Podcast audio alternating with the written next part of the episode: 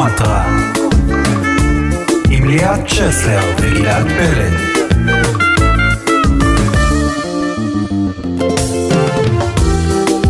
ברוכים הבאים, ברוכים השבים, נותנים קונטרה, תוכנית מספר 2 יוצאת לדרך, שלום לך ליאת צ'סלר היקרה. היי, גלעד דוש. מה שלומך? מצוין, מה איתך? מעולה, לא יכול להיות יותר טוב. ובעיקר שאנחנו פה, שוב, באולפני אה, רדיו כל רמת השרון, האולפנים הממוזגים חלקית צריך לומר, אה, אבל אנחנו שורדים את זה, אה, ואנחנו פה כדי להגיש את התוכנית השנייה, התוכנית שנקראת נותנים קונטרה, התוכנית של רקדני הצנע. הסצנה, כן, שימי לב ששמתי את הסמך הפעם לפני הצדיק. תקופת הצנע נגמרה מזמן, מה זה מזמן?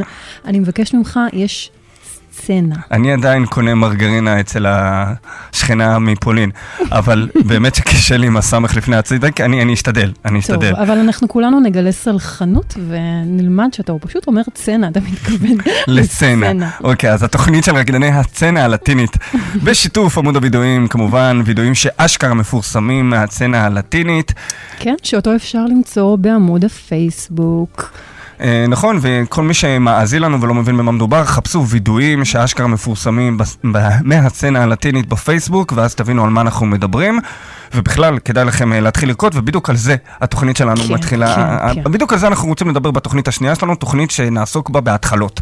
כן, בדיוק, התחלות הן דבר מסתורי ומסקרן, בדרך כלל הן מלוות בהתרגשות כזאת. באופן טבעי ההתרגשות מאגדת בתוכה כל מיני מחשבות ותהיות, כמו כל דבר שלא מוכר לנו, לפעמים גם יכולים להיות חששות. ואנחנו נדבר על זה, בואו בוא נקרא רגע וידוי. יש לנו וידוי ישן ישן ישן, מספר 1400. אנחנו עושים וואו, עבודה יסודית. חזרנו המון זמן אחורה. המון. אז מישהי שאלה, להתחיל לרקוד בצ'אטה או לא להתחיל? האמת שאני לא בטוחה שזאת מישהי, יכול להיות שזה גם בחור. כן, זו שאלה אז, אה, לגיטימית לכל, לכל אחד. כן, אם בכלל להתחיל או לא להתחיל, היו כל מיני תשובות. האמת שחלק אמרו, אה, אף אחד לא יחליט במקומך. חלק אמרו, אל תתחילי כי את תתמכרה. או תהיה מכור. אה, וחלק אפילו אמרו שלא הסכימו לרקוד איתך, כי את חדשה. זה... כאילו, יש פה עניינים, מה, מה אתה אומר? זה רוע. קודם כל, אני לא יודע אם מדובר במישהי שהיא לגמרי לא רוקדת, או שהיא פשוט רוקדת עד עכשיו סלסה או סגנון אחר, והיא רוצה להתנסות בבצ'אטה, זה לא, זה כמובן אי אפשר לדעת, כי אי אפשר לשאול אותה, כי היא אלמונית, אבל... uh, אני חושב שאם היא כבר שאלה את השאלה הזאת בפלטפורמה הזאת של, של הווידויים, אז כנראה שהיא כבר רוקדת, והיא פשוט uh, מתלבטת עם uh, להתחיל עוד סגנון, וזה שני סוגי התלבטויות שונים, שונות. להתחיל לרקוד בכלל, להתחיל ללמוד לרקוד בכלל, או לעבור לסגנון אחר, ולשתיהן יש המון המון... תשובות אחרות לחלוטין. כן, גם תשובות אחרות, אבל אותו חשש. אותו חשש ממשהו חדש, כי, כי גם כבר שאוקיי, עשית את הצעד הזה והתחלת לרקוד, ואתה רוקד סלסה מצוין, אתה רוקד סלסה מצוין, לא משנה כרגע איזה סגנון סלסה, אבל אתה רוקד סלסה מצוין, ואז פתאום אתה רוצה להרחיב את האופקים שלך, אבל אתה צריך להתחיל מההתחלה. נכון, אבל ההתחלה, ההתחלה מעניינת אותי. איך, מה, בן אדם שלא רוקד מעולם. לא רקד, לא, לא זז בימי חיי. וכולנו היינו כאלה. נכון, אבל איך אתה מתחיל? מה מניע אותך? מה הרצון הראשוני? מאיפה מגיעה הסקרנות הזאת? ואתה אומר, וואלה, אני אני מתחיל לרקוד. אז יש מן הסתם כמה וכמה אה, מניעים אפשריים. אה, המניע העיקרי זה הרצון, פשוט. אני זוכר אותי במועדוני מיינסטרים, ותמיד כששמו איזה שיר לטיני, אז כל אלה שידעו לרקוד סלסה, או חשבו שהם ידעו לרקוד סלסה, ישר הפגינו את היכולות או את היכולות ה... אה, יחסיות שלהם, בוא נגיד את זה ככה, mm-hmm. בתור מישהו שלא רקד בכלל, זה היה נראה בשבילי עולם ומלואו, רק לעשות את ה... היום אנחנו יודעים שזה אינשוף לה, אבל רק לעשות את המעבר הזה עם הבחורה מצד לצד, זה היה בעיניי, וואו, איך הם עושים את זה בכל כך בקלות, וזה מרשים, ואתה רוצה גם, וזה בהחלט, בהחלט משהו ש... כמו שאתה רואה מישהו מנגן על גיטרה. אז אתה אומר שהאלמנט הזה של החיקוי, של מודל החיקוי, של מישהו שאתה רואה שעושה משהו שנורא מדליק אותך, ואתה רוצה גם. אתה רוצה להיות מגניב. אתה רוצה להיות מגניב. אם אני אקח אותי לצעירותי, בשלב יותר מתקדם, אתה פשוט רוצה להוסיף לעצמך איזה תחביב, והתחביב הזה נראה מאוד מאוד מפתה במחוץ לחלק מהאנשים, ומה שמוביל אותנו למניע הנוסף, שזה המניע להכיר. כי הרבה נכנסים לעולם הזה בעניין ההיכרות. נדבר על כל המניעים האלה, אנחנו כמובן, כמו שאמרנו, נעסוק בהתחלות. איך אנחנו צועדים אל תוך העולם הזה שנקרא ריקודים לטינים, איך אנחנו בוחרים סגנון, מועדון, אנחנו מגיעים לבד, אנחנו מגיעים עם בני זוג.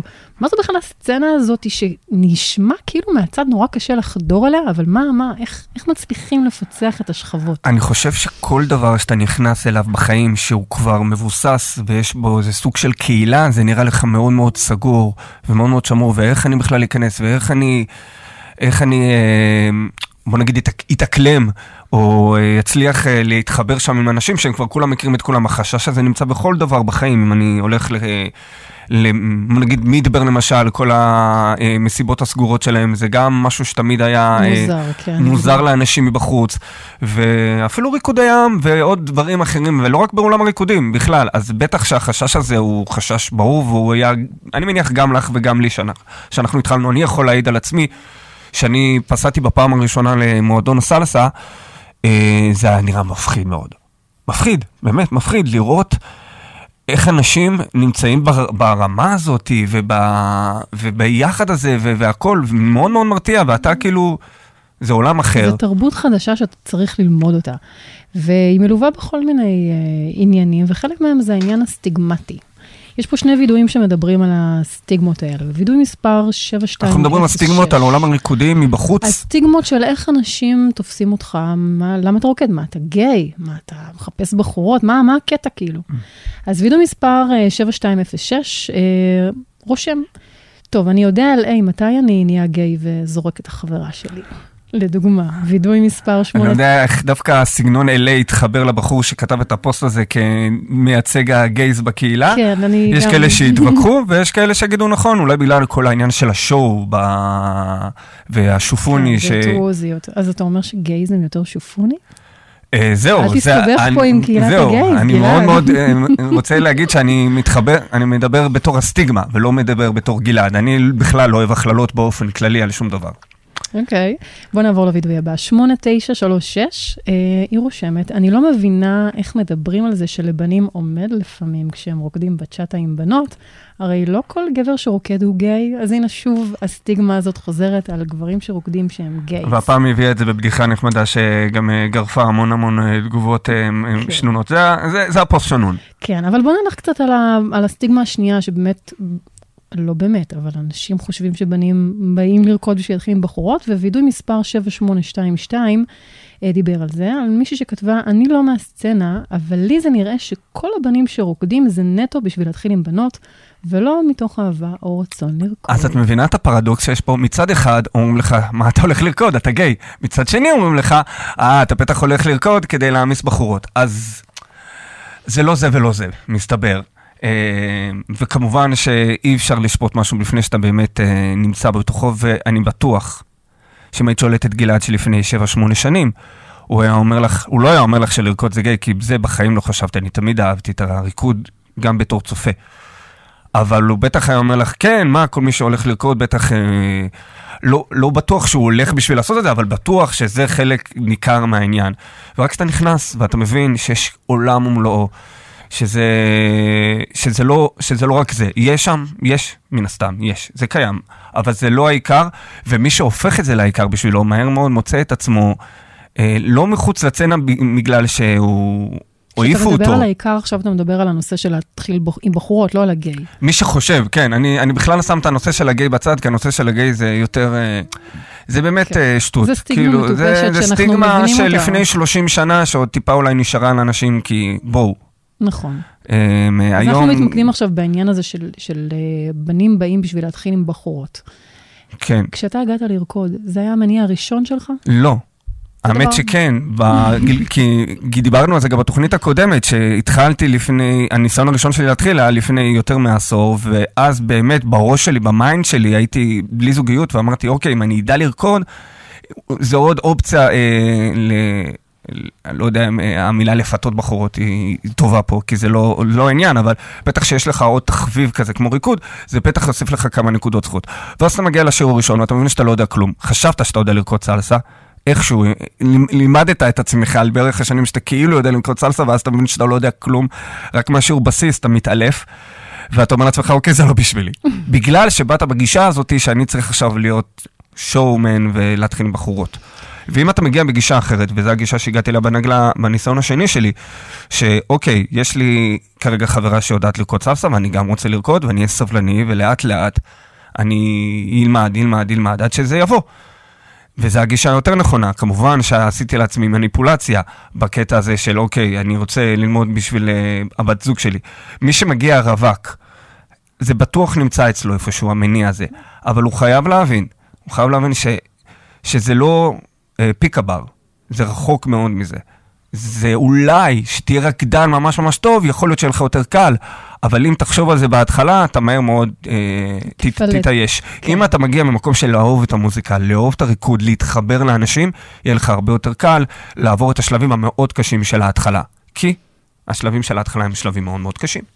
כן, ובנימה זאת, אנחנו נעבור לשיר הראשון שבחרת לנו להיום. כן, אנחנו נתחיל, היום יש לנו פעמיים בצ'אטה, אבל אנחנו הולכים לשני הסגנונות הבצ'אטה, כן. הבצ'אטה הסנשואל והבצ'אטה האותנטית, ואנחנו נתחיל עם הסנשואל, ואני הולך לשים, לשים לשים שיר מאוד מאוד טרי, הוא יצא רק לפני שבועיים, אבל יש מאחורי השיר הזה סיפור מאוד מאוד מעניין, מרתק, זה סוג של אבולוציה של שיר לטיני. אז זה התחיל שנה שעברה ביולי, זמר אה, יחסית אנונימי עד אז בשם פדרו קאפו, הוציא שיר שנקרא קלמה, שיר רגטון. לא קון קלמה של דדי ינקי, שכבר יצא לנו מהאף, אלא קלמה. השיר הזה לא כל כך הצליח בהתחלה, ואז הגיע פרוקו, שהוא זמר רגטון הרבה יותר מוכר, לקח את השיר הזה, עשה מה שנקרא רימיקס, למרות שזה לא באמת רימיקס, זה פשוט עוד זמר שמוסיפים לשיר, קוראים לזה רימיקס, והשיר הזה יצא שוב, הצליח קצת יותר, הרבה יותר אפילו, נהיה להיט רגטון מבוסס. עברה חצי שנה, אלישה קיז הצטרפה לעניין, וגם היא הוציאה גרסה, הפעם השיר הפך להיות יותר שיר אה, היפ-הופי groovy כזה רגטוני, אבל עזבי את זה, חודש שעבר, חודש מאי, שלושה ביצועי בצ'אטה, תוך שבועיים יצאו לשיר הזה. אני לא יודע איך זה קרה, זה צירוף מקרים מדהים, אבל גם זמר בשם יואל, אה, עשה לזה גרסת בצ'אטה יחד עם די.ג'יי האנס, גם די.ג'יי טרונקי הידוע לשמצה. אה, סתם, אני לא נגדו ולא בעדו, הכל בסדר, הוא, הוא גם עושה דברים טובים, וגם הביצוע שלו לשיר הזה, הוא הפעם הפיק, הוא לא עשה רימיקס, הוא הפיק שיר יחד עם זמר עם שם מאוד מאוד ארוך שאני לא רוצה להעלות אתכם. ו... לפני, יומיים אחרי זה יצאה גם הגרסה של קווין קוסמוס, שזה למעשה הגרסה שאני מנגן, כי זו הגרסה הכי טובה. שלוש גרסאות בצ'אטה תוך שבועיים, כולם עשו את זה תוך שבועיים, אני לא יודע איך הם הצליחו לעשות את זה, זה באמת אה, צירוף מקרים, לשיר רגטון. והשיר הזה הוא, הוא להיט ברחבות, וקוראים לו, קלמה, אמרתי את זה כבר, נכון? ומה שמעניין, הדבר האחרון שמעניין בשיר הזה, אני מצטער, אני כבר מגזים בחפירות עליו, זה שזה צמד הרקדנים המאוד מפורסם, עתקה ולאלמנה, לא רק שהם רוקדים בשיר, הם גם שרים, הם מוכיחים לנו שהם גם יודעים לשיר, וזה יפה, זה מקסים. אז uh, קווין קוסמוס, וואו, דיברתי הרבה על השיר. קצת. קצת? עכשיו אנחנו נשמע. עכשיו אנחנו נשמע אותו. Cuatro abrazos y un café Apenas me desperté y al mirarte recordé que ya todo lo encontré en tu mano, en mi mano, de todo escapamos juntos,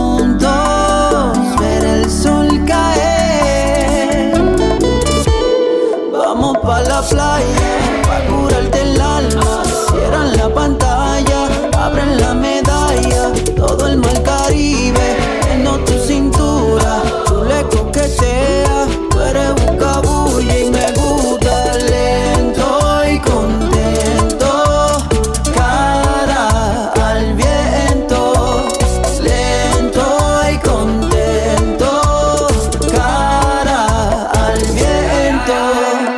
Aprovecha que el sol está caliente y vamos a disfrutar el ambiente, vamos a meternos para el agua para que vea que rico se siente. Vamos en tropical, puerto en la costa chinchorreal. De chinchorro a chinchorro paramos a darnos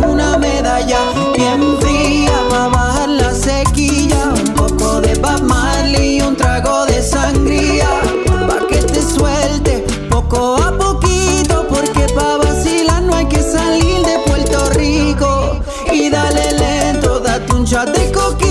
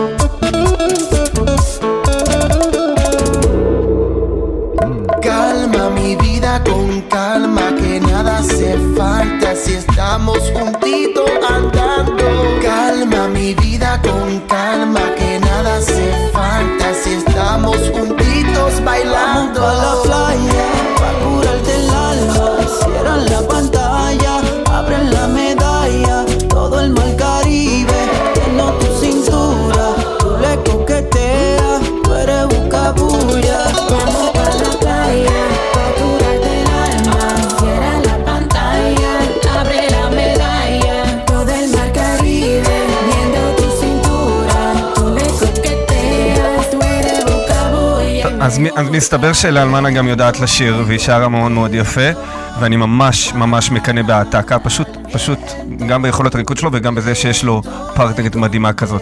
זה קווין קוסמוס עם קלמה. וידוי מספר 6347. אני לא יודעת מה לעשות כשגברים מבוגרים מציעים לי לרקוד איתם. זה מאוד מביך אותי ולא נעים לי לסרב להם. אני מרגישה שאני רוקדת בצ'אטה עם אבא שלי. כן, מ- בעיה מוכרת.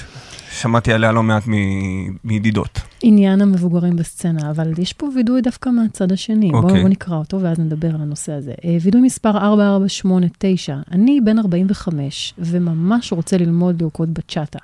מה אתם אומרים? כדאי לבוא שהרוב צעירים וארג... וארגיש זקן טרחן? כן, סוגיה, בוא נגיד שזה סוגיה שלא אוהבים לדבר איתה כל כך בפתיחות, זה כי, נושא כי זה רגיש. נושא רגיש. זה נושא רגיש כי יש בו, צריך להימנע מצביעות מסוימת, אוקיי? אמ, וכדי לעשות את זה, אז אני אהיה ישר גלוי. אני לא מסרב לריקוד אף פעם, אבל אני כן בוחר בצורה מאוד מאוד, אה, אוקיי, סלקטיבית את הפרטנריות שלי לריקוד שאני מזמין אותן. כן, יש לי סוג של סלקטיביות וגם היא אה, קשורה בגיל, אוקיי? אה, ואני מניח שזה קורה אפילו עוד יותר אצל אה, בנות שרוקדות, ואפשר להבין את זה. אפשר להבין בגלל אופי הריקוד, אבל כמו שיסבירו לנו בטח בהמשך בתוכניות אחרות, וגם אנחנו יכולים לדבר על זה עכשיו, שהסגנונות הריקוד האלה הם במקור שלהם, הם סגנונות לא רק שהם סושי, סושיאליים, אה, חברתיים, הם גם מאוד מאוד לא מיניים במהות שלהם. לגמרי, אני יכולה לומר לך אה, שבעולם של הקיזומבה, לדוגמה, זה לא קורה רק בקיזומבה, אבל הקיזומבה במקרה אני מכירה טוב. אה, באנגולה, קיזומבה זה בכלל נולד מתוך אה, איזה הוואי תרבותי מאוד מאוד גדול. זה ריקוד שנלמד בתוך המשפחה, נרקד בין, נרקד בין אבא לבת, בין סבא לנכדה, בין אימא לדוד, כאלה. אה, זה ריקוד מאוד מאוד כיפי, קיזומבה זה מסיבה, זאת המשמעות, ו, וזה משהו שהוא, אין בו את כל הנושא המיני והסקסיות אה, שנוטפת מתוך הדבר הזה. וגם בבצ'אטה המסורתית, אותו דבר, גם ריקוד אה, שהוא במהות שלו ריקוד שאפשר אה, לרקוד אותו כבני משפחה, אחים ואחיות, אבא ואימא, וגם לילדים קטנים, אנחנו רואים את זה הרבה בסרטונים. המון. אבל הבצ'אטה עברה סוג של... כל הבצ'אטה סנשואל זה כבר משהו טיפה אחר. שמה זה אומר סנשואל? יש המון חושניות בריקוד, יש המון משחקי פיתוי כאלה ואחרים, בג'סטות כאלה ואחרות, ועזבי איך זה מתפרש. זה שזה מתפרש כמו משהו שהוא נראה סוטה מבחוץ, אה, זה אנחנו בהחלט יכולים להעיד על זה שזה הגזמה, ואנשים שופטים, ובסופו של דבר זה ריקוד, וזה חלק מהריקוד, אבל עדיין התחושות יכולות להיות מאוד... אה, אני לא רוצה להגיד לא נעימות, אבל uh, בעייתיות, אוקיי? וזה משהו שצריך להפעיל בו המון המון טקט. עכשיו, אני כבר בן 38 אוטוטו, ואני לא מרגיש את ה... אני, אולי בגלל גם שאני נראה צעיר יותר, אני לא מרגיש את זה מהבנות זוג שלי, אבל ברגע שאני אתחיל להרגיש משהו, אני מניח, uh, בתור מישהו שהוא מודע, ושאני אתחיל uh, לבחור את הבנות שאני רוקד אותן בצורה אחרת, כאילו, כי זה צעד מובן, אבל... קשה לבוא לבן אדם ולהגיד לו, לא, אל תבוא לרקוד את הזקן, כאילו, תראה, אני אגיד זה לך, לא אני לעניין אגיד בכל לך מקרה. איך אני מתייחסת לזה. Um, אני חושבת שזה מאוד תלוי מצב, אוקיי? ההסתכלות במועדונים צריכה להיות מתוך הבנה שזה ריקוד חברתי. וכשאתה מבין שזה ריקוד חברתי, זה לא משנה כל כך אם היא תרקוד, מה הגיל שלו, זה יכול להיות ילד קטן, זה יכול להיות uh, בן אדם מבוגר, אתה מסתכל על חוויה חברתית, כיפית, שלא צריכה להרחיק לכת ולחצות גבולות. העניין הזה של לחצות גבולות הוא כבר נושא אחר, אנחנו נכנסים לעולם ההטרדות, ואנחנו נפתח את זה בפני עצמו, אבל בהנחה ומבינים שיש פה ריקוד סוש- סושיאלי, שאנחנו חולקים כרגע חוויה כיפית, זה יכול לגמרי להישאר שם, וזה באמת, באמת, באמת לא משנה מה הגיל. נכון, אז לכאורה זה באמת לא משנה מהגיל, אבל כמו שאת יודעת, וכמו שאני בטח יודע, גם בבצ'אטה וגם בקובאני יש את זה, הפלירטוטים האלה לפעמים יוצרים, זה כמובן משחק, אבל הם יוצרים לפעמים את התחושות האלה, זה, אה, ש, שכן אולי יש משהו ויכול להיות, ולפעמים התקוות האלה מוסיפות לאנשים, וזה, וזה כן עושה להם את הריגוש טיפה בריקוד, ובגלל זה הם ילכו יותר לכיוון של אנשים שיותר נמצאים בטווח הגילאים שהם מעוניינים באופן כללי. לכן, תמיד הסוגיה הזאת תהיה. אם מי שמצליח לעשות את ההפרדה לגמרי, אין שום בעיה שהוא ירקוד עם בחורה מאוד מאוד מבוגרת, או בחור, או מישהי תרקוד עם בחור מאוד מבוגר, וכנ"ל גם הפוך. אמ, אבל ברור לנו, ואי אפשר להתעלם מהעובדה, שגם אם בן אדם לא רוצה להתחיל עם בחורה בערב, ואני בתור מישהו שמגיע נשוי אה, למועדונים, אני מן הסתם לא בא בכוונה להתחיל עם מישהי, אבל אני כן נהנה מהמשחק הזה, של ה... אולי, אולי, אולי, אולי. למרות שאני לא מכוון לשם, עדיין, את יודעת, הפנטזיה הזאת, מותר, מותר שהיא תהיה קיימת, ולכן אני גם מודה שאני בוחר באופן יחסית סלקטיבי בחורות, אבל אני לא מסרב. ככה שלפחות זה אני נותן הזדמנויות, והרבה פעמים אני מופתע, אני רוקד עם מישהי שבחיים לא, כנראה לא הייתי בוחר לרקוד איתה, ואחרי הריקוד הראשון היא כבר נהיית פרטנרית אה, מובחרת, וזה שוב פעם, זה גם עניין של מראה וזה גם עניין של גיל, זה המון המון דברים ביחד. כן, אז, אז למרות הרציונל ולמרות ההבנה שאנחנו נמצאים בריקוד אין פה שחור חברתי, ולבן. עדיין יש פה גבולות מאוד מאוד כן. אה, ובן. אדם צריך ל- ל- לעשות את ההחלטה שלו, ולהבין ש- שאם הוא מגיע... קודם כל להבין מה המטרה שלך. להבין מה רוקד. המטרה, נכון. לבוא, אם אתה בא באמת במקום של לרקוד, אז תבוא. תבוא, אבל תבין שיש מצב שתקבל סירובים בגלל הגיל, כי זה ככה זה, אוקיי? בעולם מושלם, כנראה שלא, אבל אנחנו לא חיים בעולם מושלם, ולכל אחד יש את האלף ואחד אה, קריטריונים בראש למי הוא רוקד ומי הוא לא. טוב, אז הנושא הזה של הגיל גם הוביל אותנו לעניין הזה שכשאתה רוצה להתחיל לרקוד, אתה צריך לבוא לבד או עם אה, בת זוג? הרבה שואלים אותי את השאלה הזאתי, והתשובה היא חד משמעית לא. לא חייבים לבוא עם בת זוג. אפשר, הנושא הזה של זוגיות בתוך הסצנה גם, אנחנו נרחיב. עליה בנפרד, זה נושא כבד וגדול, אבל ממש. כרגע אנחנו מתמקדים רק בעניין הראשוני הזה, כשאתה רוצה לבוא לרקוד, אם אתה צריך פרטנרית או לא. אז יש כמה היבטים בעניין הזה של השוויון בשיעור. לפעמים נוח לבוא עם מישהי, זה לא חייבת להיות בת זוג. מישהי מהבית, ואז אתה מתרגל איתה בזמן השיעור, אין לך את האוויר לתרגל איתו, ואתה גם יכול לתרגל איתה בבית. אבל דווקא אני חושבת שזאת עלייה וקוץ בה, כי דווקא כשאתה מגיע לבד, ודווקא כשאתה יותר מתערבב בתוך הבנות הקיימות בסצנה, ואתה לומד כל מיני שפות גוף כאלה שונות, ו- ו- ומגע וקונטרה של כל אחת, אתה נהיה רקדן הרבה יותר טוב מאשר כשאתה מתרגל לרקוד עם מישהי אחת קבועה וספציפית. אז אה, דווקא לבוא לבד זה הרבה יותר מסכים, טוב. אני מסכים, אני גם, כן. אה, אני באתי לבד לריקודים, וכן, שהיו מצבים כאלה שאני ועוד שני בנים לבד בשיעור. והמדריך אומר, תבואו עם בת פעם הבאה, ואני אומר, בסדר, אבל אין לי. אה, בת הזוג שלי כבר יודעת לרקוד הרבה יותר טוב, היא לא צריכה לבוא לשיעורים של מתחילים. אז, אז כן, אז בדיוק מה שאמרת, זה מדויק, לא צריך להוסיף כלום, זה באמת, יש את היתרונות ויש את החסרונות. הקטע הוא שבאמת מבחוץ לצ- לצנה זה נראה מוזר שאתה מגיע לרקוד אה, בלי בת זוג ובכלל כל העניין הזה של החלפות בנות זוג במסיבה זה שוב פעם דיברנו על זה גם בתוכנית אחר, הקודמת זה נושא אחר וזה משהו שאם אנחנו מדברים על סטיגמות אז הוא אולי אחד מהדברים שיוצרים את הסטיגמה הזאת על עולם הריקודים הלטינים בגלל שיש החלפות אה, בנות זוג יש את הסטיגמה כמובן של השוק בשר וזה שגם טוב, אתה- אתה יודע מה, מה עשית לי עכשיו בעיקר? נו חשק לרקוד. כן. בוא, בוא ניכנס לסלסה אנחנו- שלנו. אוקיי, שוב פעם זה בחירתו של חנניה כהן שהוא משדר את קוקטייל קוקטייל לטיני כאן ברדיו כל רמת השרון והוא אה, מבחינתי המומחה לסלסה. הוא נתן לי שיר של להקה שקיימת כבר 51 שנה, מ-1978. מרוב שהם קיימים כל כך הרבה שנים כבר, הבנים שלהם הצטרפו ללהקה, וחלק כבר פרשו, אז כאילו ממש היה חילופי דורות. זה היפים והאמיצים. כן, קוראים ללהקה, הלהקה הזאת היא מקאלי קולומביה, קוראים להם אה, גרופו ניטשה, והם שרים שיר יפהפה, אה, פשוט שיר חיזור מקסים שנקרא קוסס בוניטס, פשוט דברים אה, יפים לבחורה יפה. אז גלעד, בוא תחזר אחריי. אני עושה את זה כל הזמן, אם לא שמת לב. בוא, בוא עכשיו אוקיי, נרקוד פה. יאללה. גרופו ניטשה, יאללה, בוא. קוסס בוניטס. Tú llegaste a mí como un rayo de sol, como brisa y canción, como tarde de abril. Llegaste a mi ser a llenarlo de luz a sanarme la piel con gotitas de amor. Llegaste sin permiso y a oscuras, como la luna por la noche en mi ventana sin mesura.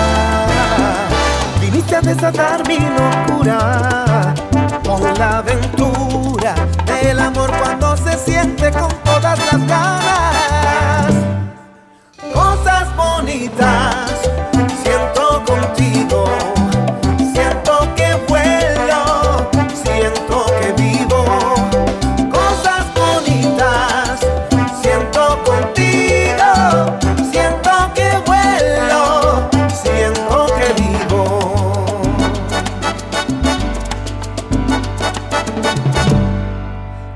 Llenaste mi ser con tus besos de miel y pintaste de azul la mañana en mi cielo. Me das de tu vibrar sin medida, eres tan mía como el aire que se cuela en nuestros besos.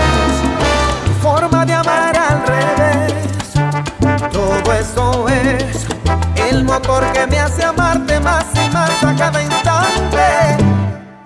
Cosas bonitas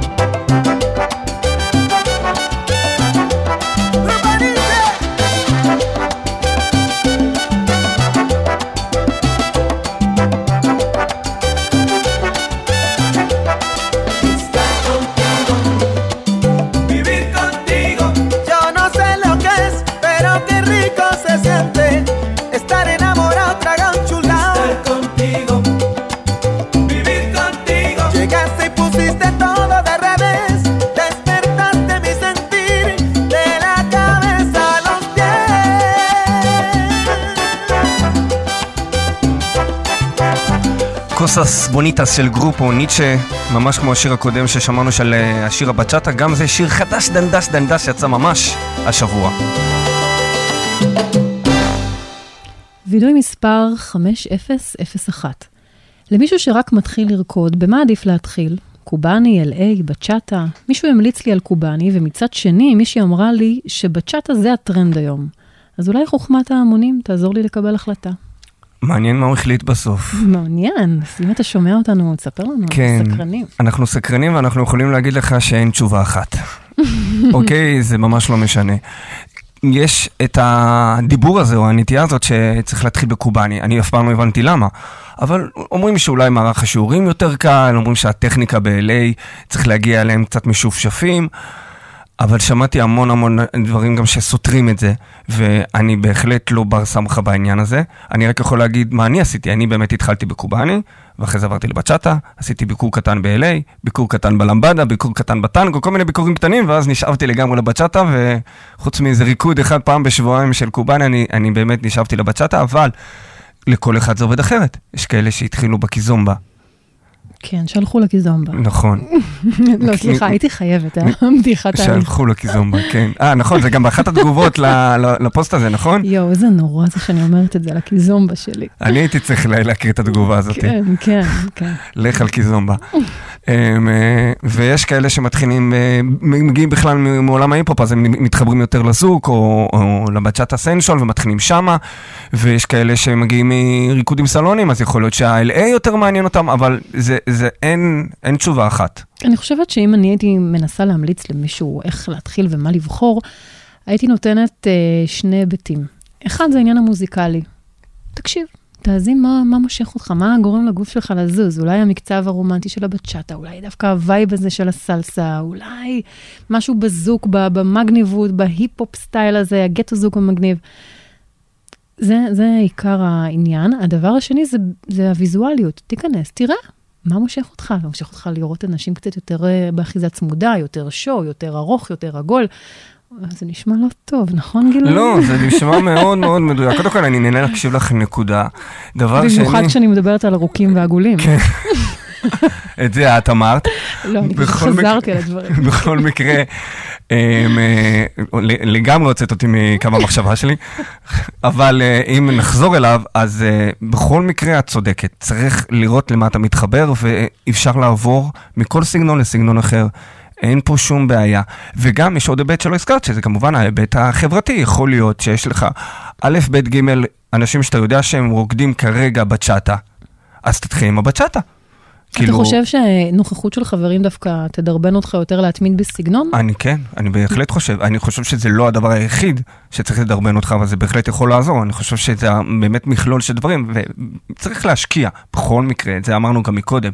צריך להשקיע, צריך לבוא לשיעורים, צריך ללכת ברמות לפי הסדר, כפי שאנחנו תמיד אה, רוצים אה, להגיד למתחילים שלא יקפצו בין הרמות, וזה לא משנה בסופו של דבר איזה סגנון. כל עוד תיקח סגנון ותשקיע בו, זה יהיה בסדר גמור, וגם יהיה בסדר גמור להחליף אחרי זה לסגנון אחר אם בא לך. כן, ההחלפות של הסגנונות זה דבר מעניין. יש עוד וידוי אה, נחמד שמדבר על זה. וידוי מספר 9222, אה, וזה וידוי ארוך, אני לא מקריאה את כולו, אבל העיקרון, אה, התמצית שלו, זה שהוא אומר שאצלנו אין לרקוד גם סגנון כזה וגם סגנון כזה, וכשהוא אומר אצלנו, הוא מתכוון, הוא מתכוון לארץ, לישראל. לעומת חו"ל, ששם רוקדים הרבה מאוד סגנונות במקביל. ועוד הוא מוסיף שהרקדנים הוותיקים רוקדים יותר מסגנון אחד בדרך כלל, לעומת החדשים, שזה פחות נפוץ, הם יותר באים, ממוקדים, וסגנון אחד כל החיים. אתה מסכים עם הדבר הזה? אני, יש פה, יש פה נקודה נכונה, כן? קודם כל, הוא כן לא היה מדויק, כי גם בעולם יש מקומות שיש סצנות uh, קטנות יותר וקהילתיות קטנה יותר ונפתחו תתי סגנונות. הוא לא לגמרי צדק, אבל הנקודה העקרונית שלו היא נכונה. Uh, הדור החדש של הרקדנים הוא יותר דור של ריקוד אחד, סגנון אחד.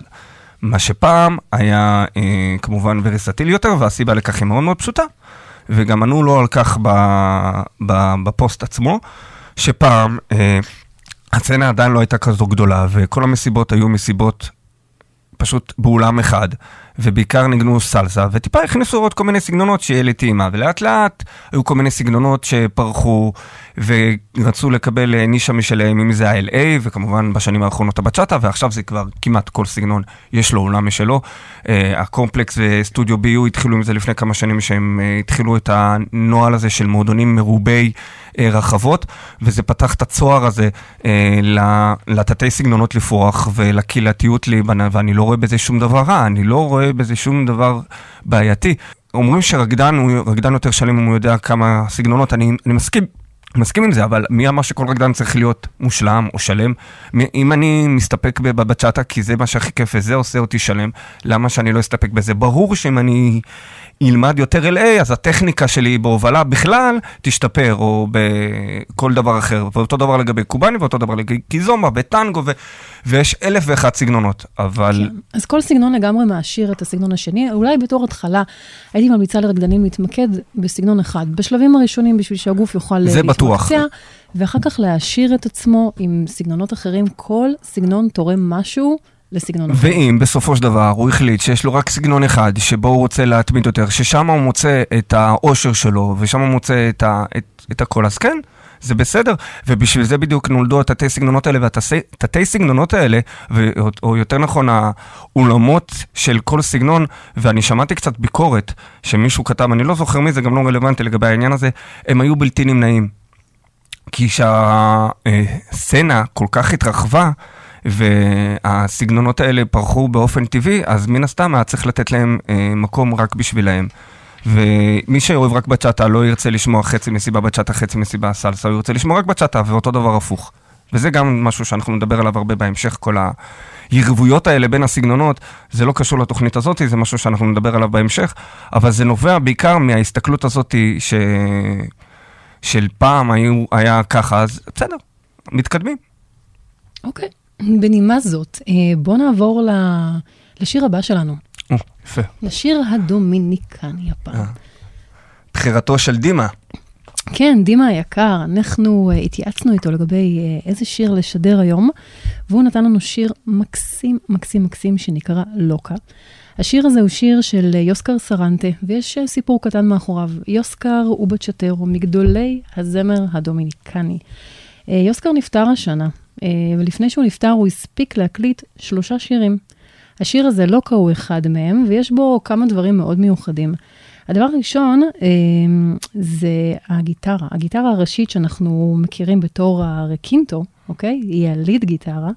היא מוחלפת בשיר הזה בסקסופון. זה משהו שאנחנו לא רגילים לשמוע כל כך בבצ'אטה, וזה מעיד בצורה מאוד מאוד מאוד יפה על ההתפתחות שהבצ'אטה עוברת, עם פתאום מעורבות של כלי מערבי בתוך אפשר לראות שגם הדבר בבצ'אטה האותנטי. האותנטית יש שילובים גם אה, מודרניים. כן, לגמרי, היא מתפתחת, וצריך להיות uh, קשובים ומודעים לדבר הזה. והשיר הזה, זה שיר uh, שבו יוסקר מבקש מהבחורה שתשמור לו את הלילה האחרון שלו. רצה הגורל, וזה גם היה השיר האחרון של יוסקר. אז uh, שיר מקסים, בואו נשמע אותו. יוסקר, Sarante.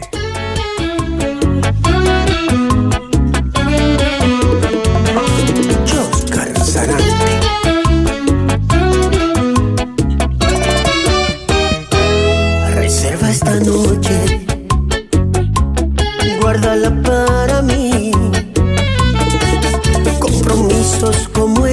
sabes que jamás se posponen.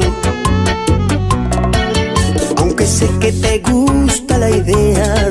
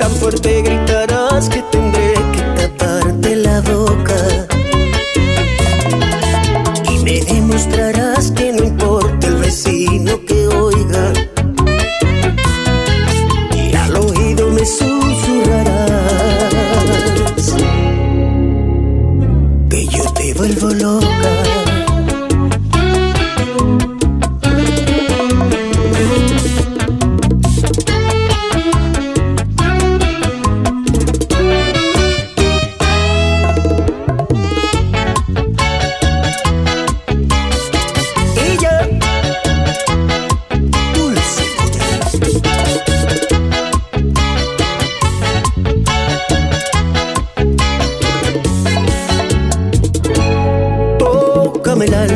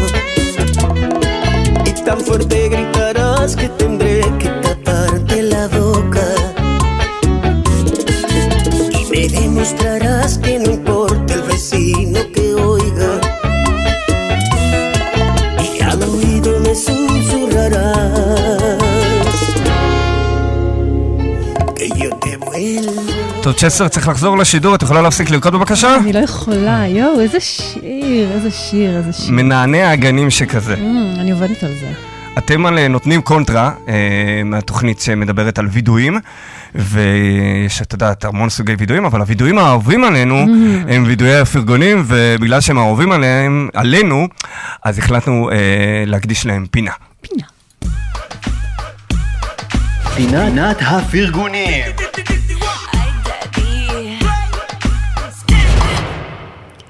וידוי מספר 9074. בואו נדבר על ירדן, העוזרת של דני בביילה. נסיכה אמיתית ורקדנית מדהימה, פשוט מושלמת. לא מכיר, אבל כל מי שקוראים לה ירדן בדרך כלל נראה טוב, לא יודע למה. וידוי מספר 9068. נדב בן חיים, מי חטף אותך ולמה אתה לא מגיע יותר? חסרים לי הריקודים בתחילת הערב? סמך. לנדב שלום. מי זאת סמך? סימה. וידוי מספר 9063. תמר מלהקת הלייזות, את פשוט חמודה אמיתית וממש כיף לרקוד איתך. האמת שאני רקדתי את הפעם הראשונה, אני חושב, ב... לא מזמן. היה ממש כיף. תמר אני מסכים. מהממת, להקת הלייזות זו להקה של ליזה, עממית נכון. צ'ולס. וידוי מספר 9028, רונית, שהייתה בניישן ב-23 במאי. הרגשתי שהיה בינינו חיבור ממש חזק בריקוד, מקווה לראות אותך שוב במחוזותינו. נייס. רונית, תחזרי. וידוי מספר 8992, דניאל ארנון, אתה מטורף. ההופעה שלך בקונגרס הייתה בין הטובות שראיתי. אתה מעביר שיעורים פרטיים? אני לא ראיתי את ההופעה שלו, אבל דניאל הוא חבר יקר והוא תותח בכל דבר שהוא עושה ברמה מטורפת. אז תשאל אותו אם הוא מעביר שיעורים פרטיים. אני חושב שהוא חושב על זה בעתיד הרחוק. וידוי מספר 9299, הבחורה עם האוברול פסים ממסיבת שבועות בקומפלקס. מי את ואיך לא ראיתי אותך עד עכשיו? יכול להיות שראית ולא... והעיניים לא נתקעו, כמו שאומרים. טוב. זה קורה, אבל זה כיף. איזה כיף לקבל פרגונים כאילו, יש כאלה שאומרים, מה אתם מפרגנים? תגידו להם בפנים. נכון, אני גם תמיד מעדיף לתת פרגון בפנים, אבל כשאתה נותן את זה בבמה הזאת של הווידואים, זה מקבל יותר אה, תעודה, ו, ולפעמים אתה רוצה להראות לבן אדם כמה הוא שווה, על ידי כך שאתה כותב וידוי, וזה כאילו מגיע ממישהו כללי, וכאילו זה אולי נותן לו יותר... אה, שוב, גם המסתורין הזה שמי כתב עליי, נכון. והתעסקות, ומה זה, מי זה, ואתה מדמיין כל מיני תרחישים רומנטיים. כן, תמיד עולה לך. בראש מי, מי, מי כתב את זה. כן, השאלה אם כשמגלים מי, האם זה מבאס פתאום? זה יכול. זה עשוי לבאס. אם אתה מצייר לעצמך איזה תמונה, "אה, בטח את זה בר רפאלי כתבה, בטוח. אבל זה סימה, מה... מקודם. סתם, בטח זה סמך, היא היא יפה סמך, טוב, אז בטוח. כל הווידואים על זה, אחרי שהזמינו אותם כנראה לרקוד וממש התרשמו, זה מוביל אותנו באמת לעניין איך... לעניין הח- החשוב ביותר של מתחילים. כן. איך עושים את? הצעד הזה שנראה כמו מבחן בגרות במתמטיקה חמש יחידות למישהו שלא למד בכלל, וזה להזמין בחורה לרקוד. לא בפעם הראשונה, אבל בטח בפעמים הראשונות, כי בפעם הראשונה בדרך כלל אתה רוקד עם המדריכה שהייתה איתך בשיעור הראשון, וזה גם לא קל, זה גם לא פשוט, אבל להזמין, אני, אני מסתכל על עצמי בתחילת דרכי, וזה באמת, הייתי יושב במסיבות, ואומר. עכשיו אני, עכשיו אני מזמין, עכשיו אני מזמין, עכשיו אתה, יש לך כל מיני קריטריונים, אתה לא רוצה לרקוד עם מישהי טובה מדי, אתה לא רוצה לבאס אותה, אתה לא רוצה לרקוד עם מישהו שמקודם מישהו, זה שהקודם שרקד איתה היה ממש טוב, כי אתה לא רוצה לרדת בזה, אז, ואתה רוצה, ו, ואתה רוצה לרקוד עם מישהי שאתה רואה שהיא נחמדה. בקיצור, אתה שם לעצמך כל כך הרבה קריטריונים. ובסוף, מרוב שאתה חושב על זה, אתה מזמין אולי שני ריקודים בערב וחותך. חרדת ביצוע. כן, חרדת ביצוע זה נוראי. עכשיו, זה תהליך שכל רקדן עובר בצורה כזו או אחרת. יש כאלה שיש להם המון המון ביטחון, הם מגיעים עם ביטחון, גם, זה גם משפר אותם ברמת הריקוד, והם על ההתחלה תופסים את העניין. זה אני, אני מדבר רק בצד של הבנים, כי לבנות זה קצת טיפה שונה. אז, ואת אולי תציגי את הצד שלהם, אבל בסופו של דבר, עקביות, אה, לבוא כל פעם לשיעורים, אתה מקבל יותר ביטחון ויותר ביטחון ויותר ביטחון, ותמיד יש לך גם את הפרטנריות שלך מהשיעור, שאתה יודע שהן הן פחות מאיימות, כי אתה יודע איפה הן נמצאות בידע, אתה גם, יהיה לך איזה סוג של חיבור איתן, תתחילו בזה. תתחילו בזה, תתחילו קודם כל להזמין את הבנות שאיתכם בשיעור, כמובן להזמין את המדריכות, ו... כן, אין, אין ספק לאט ש... לאט הביטחון יעלה, זה אין פה אפס. יש כאלה שסובלים מהביטחון הזה לאורך זמן, ו, וזה כבר כנראה שיש להם בעיה בכל אספקט בחיים בעניין הזה של ביטחון, ואז הם צריכים לעשות עבודה עם עצמם, וזה כבר לא התוכנית. זה יכולה להיות התוכנית, אבל זה לא הפעם ברגע התוכנית. שאתה מתחיל בסייף זון שלך, ואתה הולך למוכרים ולחבר'ה שאתה ככה מרגיש איתם יותר בנוח, אז יותר קל לצבור את הביטחון. ומה שעוזר בהמשך אחר כך זה ביטחון עצמי וזה ידע. ברגע שאתה יודע מה אתה עושה ויש לך מספיק ניסיון, הכל הולך ונעשה הרבה פחות מאיים ממה שהיה נראה בהתחלה. נכון, ואז בשלבים יותר מתקדמים אתה כבר יכול לצאת מאזור הנינוחות שלך. נכון. כי רק ככה. באמת אנחנו מצליחים להעז ולצמוח, ולהתחיל להזמין בנות שלא חשבת שאי פעם ירצו לרקוד איתך מאסטריות וכאלה, ותראה שלא כן, אבל חשוב לא גם... כולן מסרבות. אתה יודע, אנחנו כל הזמן מדברים על בנים שצריכים להזמין, אבל באמת, בנות, תתעוררו על החיים שלכם. בואו. זה לא, לא סוף העולם לבוא ולהזמין. כן, אם יש מישהו ש- 2019. מה קרה? אפשר להזמין מישהו לרקוד. אני מזמינה המון בנים לרקוד. אמ, הפעם אחת אתה תפסת אותי ככה מושך אותך תלשת אותי. ככה ברגל, כן. כן, עד עכשיו אני מנסה לחבר לך שם חזרה את הירך. זה, זה בסדר, מותר. יש פה וידוי מקסים, וידוי מספר 8605. היא כותבת, מסוג הדברים שעושים את הערב, להזמין מישהו פעם ראשונה לרקוד, ויוצר ריקוד מושלם. וזה ממש ככה. אני מסכים. זה כיף, איזה כיף זה להמר, נכון. ופתאום בום. מדהים. ובמיוחד שזה מגיע שמישהי מזמינה אותך, ואני מניח שזה גם הפוך. ואתה כאילו אומר לעצמך, טוב, ואז פתאום, וואו, ו- ומיד אחרי זה אתה מזמין אותה, כאילו, זה, זה גם... הדדיות, זה הדדיות מאוד מאוד חשובה. Um, עוד וידוי נחמד, שדווקא נותן לנו טיפים קצת uh, להתרכך ולהיכנס לעולם הזה, וידוי 9279, למי שמתקשה להרגיש בנוח בסצנה. תחייכו ותתחילו small talk פעם ב, עם כולם, בנים, בנות, מדריכים, מתחילים, ללא קשר לריקוד, ללא קשר לאיפה ומתי במועדון. פשוט תתחילו בשיחת חולין וחיוך. לא תאמינו כמה מהר אנשים יתחילו לזהות אתכם ולהגיד שלום. האמת שזה וידוי ממש חמוד, עם טיפ זה גם מקסים, וידוי די טרי גם. ממש פרשי פרשי, וזה מתאים לכל מצב ולכל סיטואציה, לא רק בסצנה, בכלל בחיים. תחייכו, תהיו נכון. חיוביים, ת- תפתחו קצת איזושהי אנשים תקשורת. לפעמים אה, חושבים על עצמם דברים, חושבים שהחברה חושבת על עצמם דברים, מסתבכים עם כל מיני אמונות אה, מאוד מקטינות את עצמם, וקשה להם באמת אה, להרגיש שהם ראויים. וברגע שאנשים אה, מבין, ברגע שאנשים תופסים את עצמם ולוקחים את הביטחון הזה ומתחילים ליצור ולחייך כמו שהבן אדם הזה אמר, והווידוי הזה אמר נכון, אה, אה, הרבה יותר קל לסביבה לקבל אותם. נכון, גם זה- צריך לזכור, תקשיב, אף אחד מאיתנו לא נולד רקדן. בוא, נכון. כאילו, אנחנו, גם הרקדנים מלאי הביטחון העצמי הוותיקים, התחילו איפשהו. וגם לא כל אחד הגיע לסצנה הזאת עם 30 חברים כאילו באוטו, אוקיי? כולנו, נכון שיש חבורות שכן נכנסו ביחד, אבל זה די נדיר. הרבה מאיתנו הג- הגיעו לבד ויצרו לעצמם, אני התחלתי לבד לגמרי, כאילו, חוץ מהאקסית שלי, התחלתי לבד לגמרי, והיום יש לי ארסנל חברים מטורף. שאני לא עומד בזה, ואני לא אומר את זה באיזה שוויציות או בגאווה, אני אומר את זה שזה, שזה בהחלט אפשרי ליצור את זה. וגם לי היו בעיות של ביטחון עצמי בעבר, ופחדתי מאוד לדבר עם אנשים, ועדיין לפעמים אני נרתע, אבל ברגע שאתה שם את התדמית שלך בצד, ואתה נותן אה, לעצמך פשוט ליהנות מהאפשרויות שיש בעולם הזה, ויש בעולם הזה המון המון אפשרויות ליהנות. ובסופו של דבר אל תשכחו שכולנו מגיעים למטרה משותפת של לרקוד, ככה שגם הבחורה שעומדת לפניכם או הבחור שעומד לפניכם, הם גם רוצים לרקוד. אז, אז אה, זה לא כמו להתחיל עם בחורה בבר, זה קצת שונה, ששם יש פחד שאולי אני יכול יותר להתחבר אליו וגם לא צריך להיות, וגם לא נורא לקבל לא. כן, יש באמת, תלמדו המון- להתמודד עם לא. נכון, נכון, לא נורא, זה בסדר, היא לא רוצה, יש עוד מישהי שאולי כן תרצה. נכון.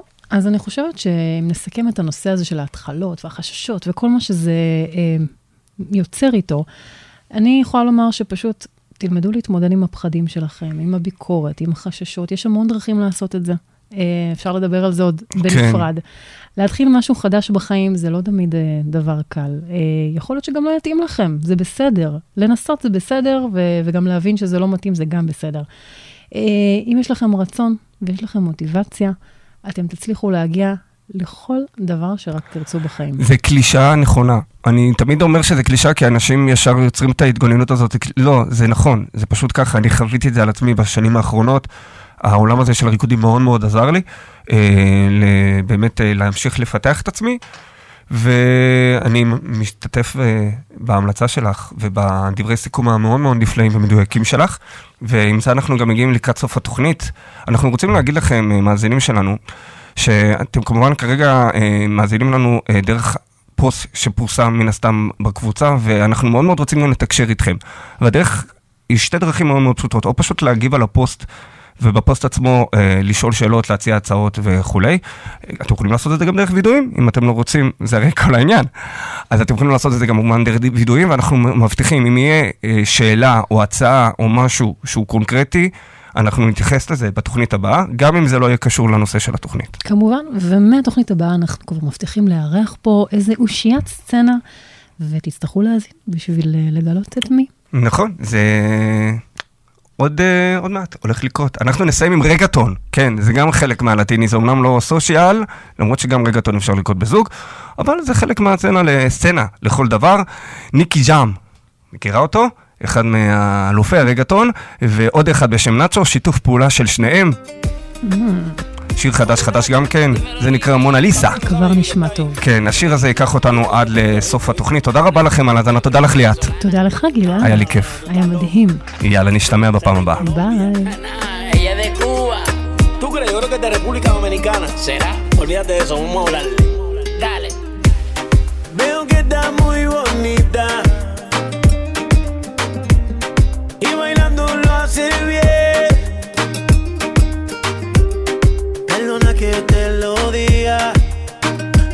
tienes algo que a mí me hace enloquecer.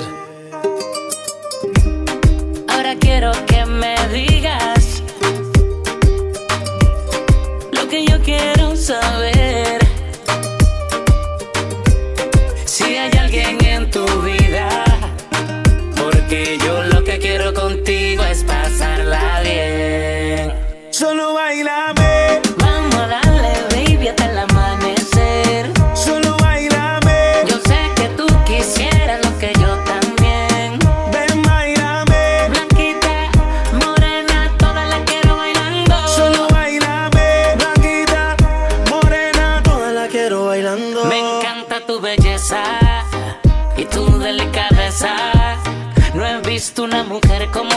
Me ponga mal de la cabeza.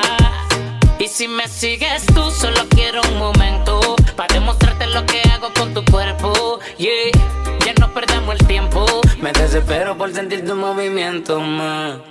Tu cuerpo me hipnotiza, todo lo malo tú me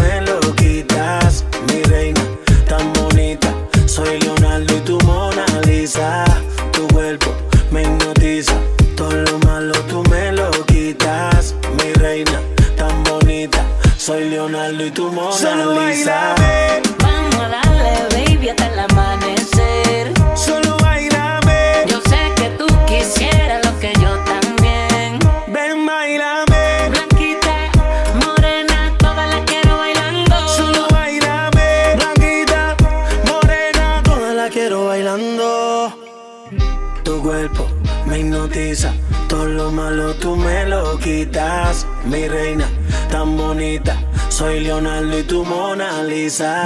Tu cuerpo me hipnotiza, todo lo malo tú me lo quitas. Mi reina, tan bonita, soy Leonardo y tu Mona Lisa. N.I.C.K.